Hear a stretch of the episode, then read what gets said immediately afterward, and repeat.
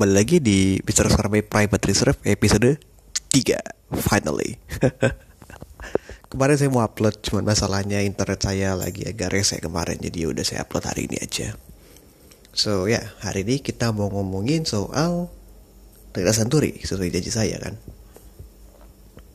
Jadi ya stay terus di Mr. Oscar May Private Reserve. Ya mulai dari mana ya enaknya? Oh ya ini aja deh. Dari pertama banget Toyota Century. Toyota Century itu pertama ada awalnya dari ini. Saat itu tahun 1960-an awal, kerajaan Jepang pengen punya mobil kerajaan yang baru. Saat itu mereka udah ber, udah bukan udah pernah udah beli Rolls Royce Phantom 5. Cuma masalahnya entah kenapa Phantom 5 ini ya kurang memuaskan aja gitu kan dari segi keluarga kerajaan plus keluarga kerajaan juga pengen menunjukkan gitu kan pada dunia gitu kan kalau pabrikan Jepang itu udah mampu membuat otomotif, udah mampu membuat produk mobil yang layak untuk dipakai keluarga kerajaan. Akhirnya mereka bikin kayak semacam sayembara yang ngasih kriteria keluarga kerajaan itu mobil harus kayak gimana yaitu mobil harus pakai mesin V8 sedan dan ya cukup kencang untuk dipakai di sistem jalan tol Jepang yang saat itu baru ada di beberapa kota sih. Tapi ya at least mereka pengen cobain mobilnya jalan tol itu gitu kan dengan kecepatan yang reasonable gitu kan. Entah itu 100 atau 120 nggak nggak disebutin kecepatan yang reasonable itu berapa gitu kan.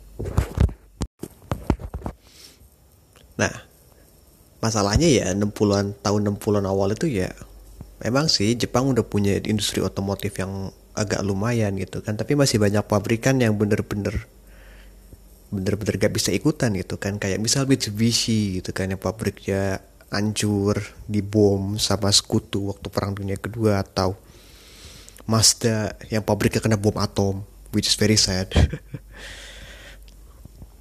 Jadi ya cuma dua perusahaan yang saat itu industri mobil udah agak gede yang berani ikutan yaitu Nissan dan Toyota.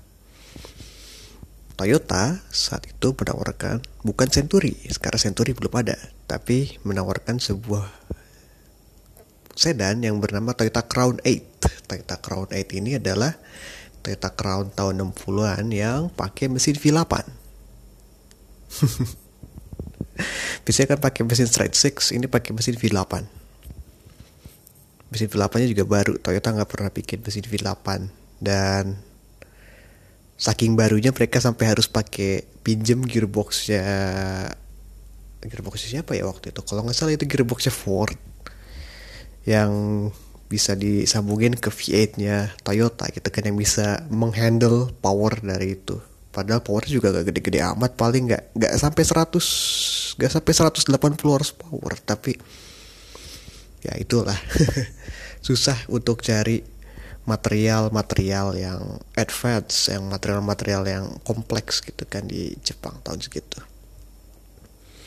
sedangkan Nissan pakai mobil yang bener-bener completely new bener-bener baru. Saat itu Nissan baru aja mengakuisisi sebuah pabrik mobil di Jepang yang bernama Prince Motor Company. Dan well, Prince biasa bikin mesin bagus gitu kan untuk mesin mobil balap mereka yang cukup terkenal saat itu.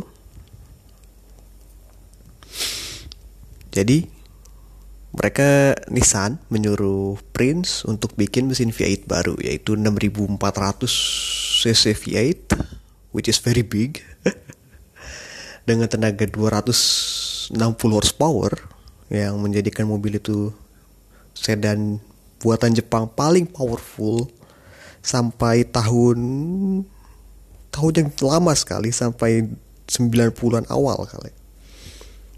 Ya, kayaknya sampai 90-an awal ketika mulai banyak sedan Jepang yang 276 horsepower. dan dia juga pakai gearbox dari Amerika yaitu dari GM Torque Torque Flight atau something like that pokoknya itu 3 speed automatic karena ya torsi dari mesin itu gede banget 460 Nm nah karena pemerintah Jepang merasa effort dari Nissan, dari Nissan dan dari Prince yang begitu lebih besar dibanding effort yang dilakukan oleh Toyota dengan Crown 8. Mereka merasa ini Nissan yang baru, Nissan Prince Royal, lebih cocok untuk jadi kendaraan kerajaan dibandingkan Crown 8. Jadi yang dipilih adalah Nissan Prince Royal. Kerajaan Jepang membeli 14 unit saja which is a very tiny number tapi ya disanggupi oleh Nissan sedangkan Toyota ya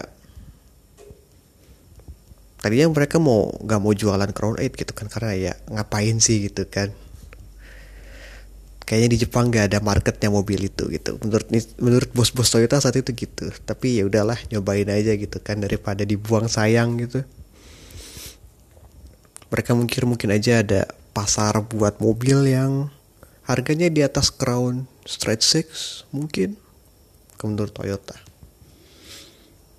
Nah, yaudah di, itu Crown 8 dijual dan gak laku.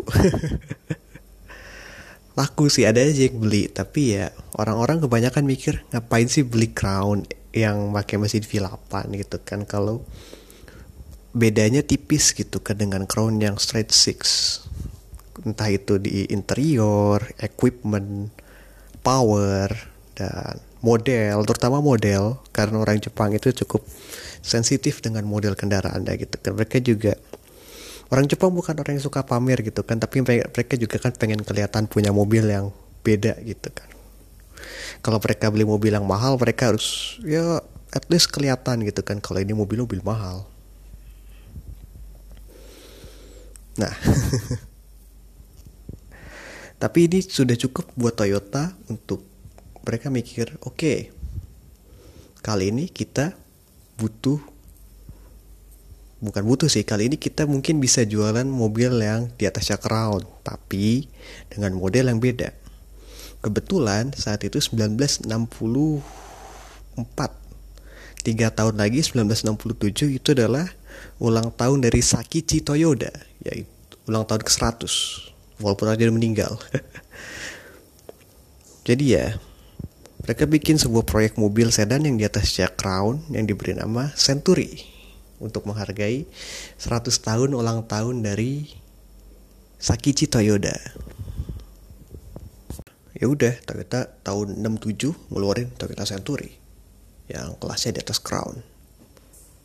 Dan Century ini menjadi salah satu pride-nya Toyota gitu kan karena goalnya Toyota saat itu adalah mereka pengen bikin mobil yang lebih bagus dari mobil Jepang yang ada sebelumnya.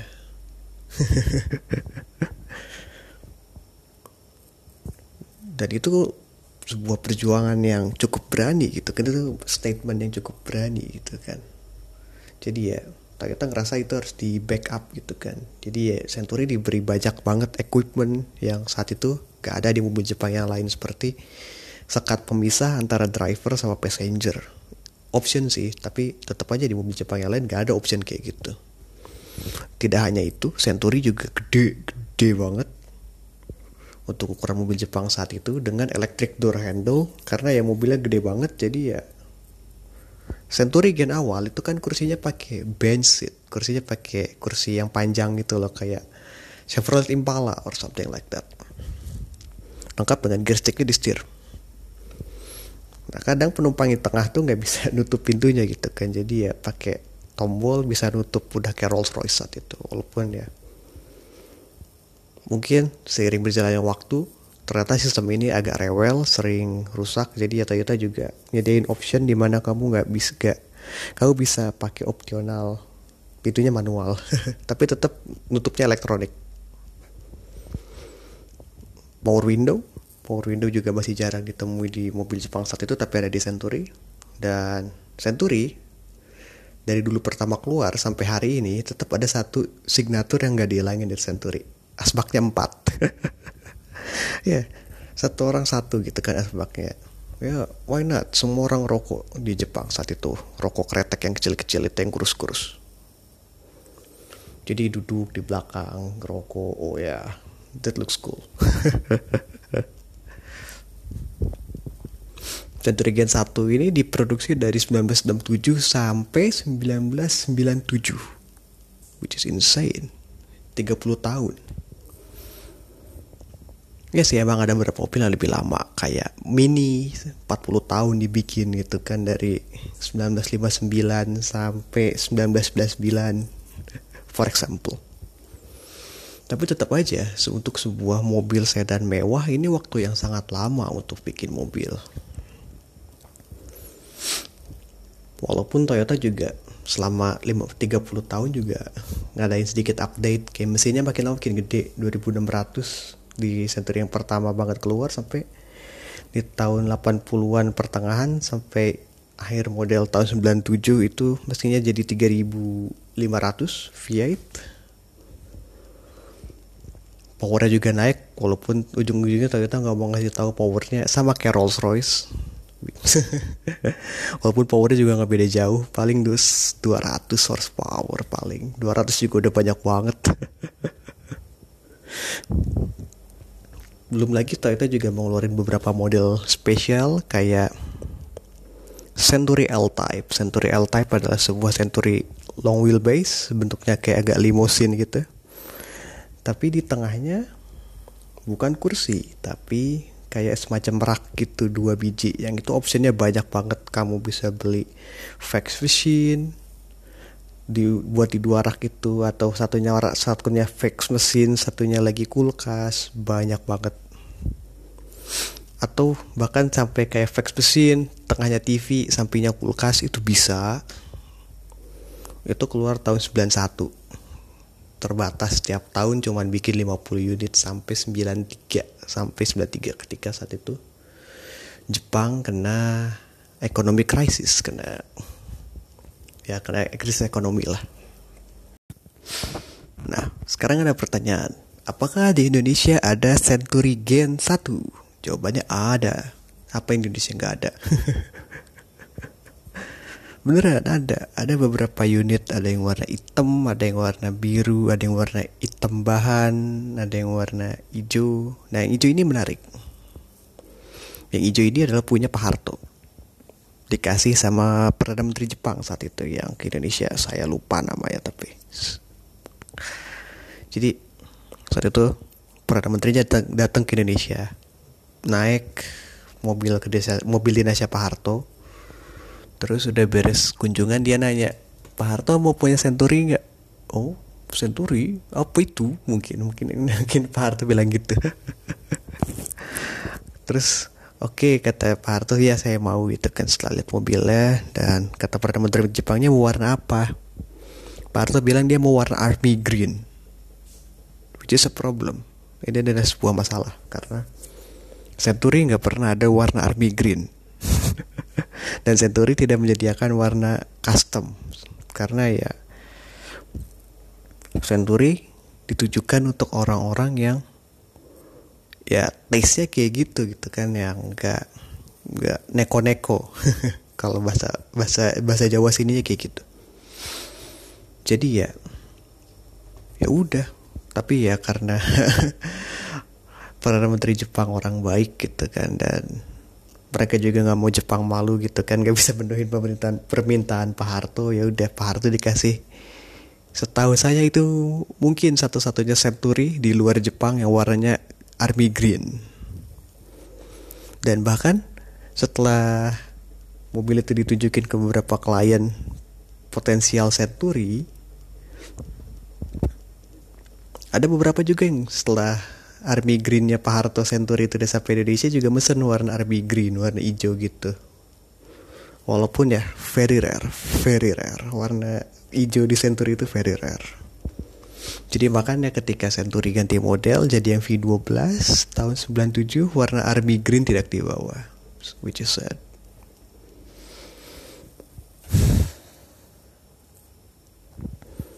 Gak tau Century Jakarta ada di mana tapi katanya sih terakhir ada di gudang. di gudang bersama koleksi beliau yang lain.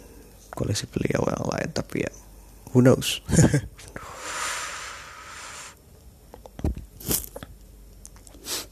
Century Gen 1 sendiri saya juga tahu satu yang masih mulus banget warna hitam which is uh, yang saya suka banget. Dan oh ya di Indonesia juga ada satu Century L Type di Surabaya plat L. Very cool. Saya pernah lihat di ya di internet. Saya belum pernah lihat Pupila langsung. Mungkin someday kalau saya hampir ke Surabaya saya berharap saya bisa lihat Pupila langsung tapi ya fingers crossed ya. Oh udah 14 menitan ya. Oke. Okay. Tapi saya juga mau lanjut lanjut bahas ke Gen 2 atau Gen 3 gitu kan tapi nanti aja. Next time. Mungkin kalau bisa saya pengen bahas Gen 2 sambil review mobilnya mungkin. Maybe. Insya Allah kalau ada waktu kapan-kapan kita coba yang Gen 2 walaupun saya kata itu bakal jadi episode berapa. No promise. Episode selanjutnya saya akan bahas soal mobil Rusia di Indonesia gitu kan. Yes. Ruski. Mungkin saya juga harus pakai Adidas training. Enggak enggak Uh, lalu saya juga mungkin di episode jadi selanjutnya episode 4 dan episode 5 hmm. Saya belum kepikiran mau bahas apa di episode 5 mungkin saya mau bahas sedikit soal mobil kepresidenan but I don't know lihat nanti aja episode 5 saya mau mikir apa sekali-kali dong a secret next episode apa jadi ya oke okay. itu aja dan Terima kasih udah dengerin podcast saya dari awal sampai akhir. Silahkan di like, di follow IG-nya at Mr. Oscar May, di share ke teman-teman kalian juga. Jadi ya, selamat malam dan sampai jumpa di episode selanjutnya. Ya. Yeah.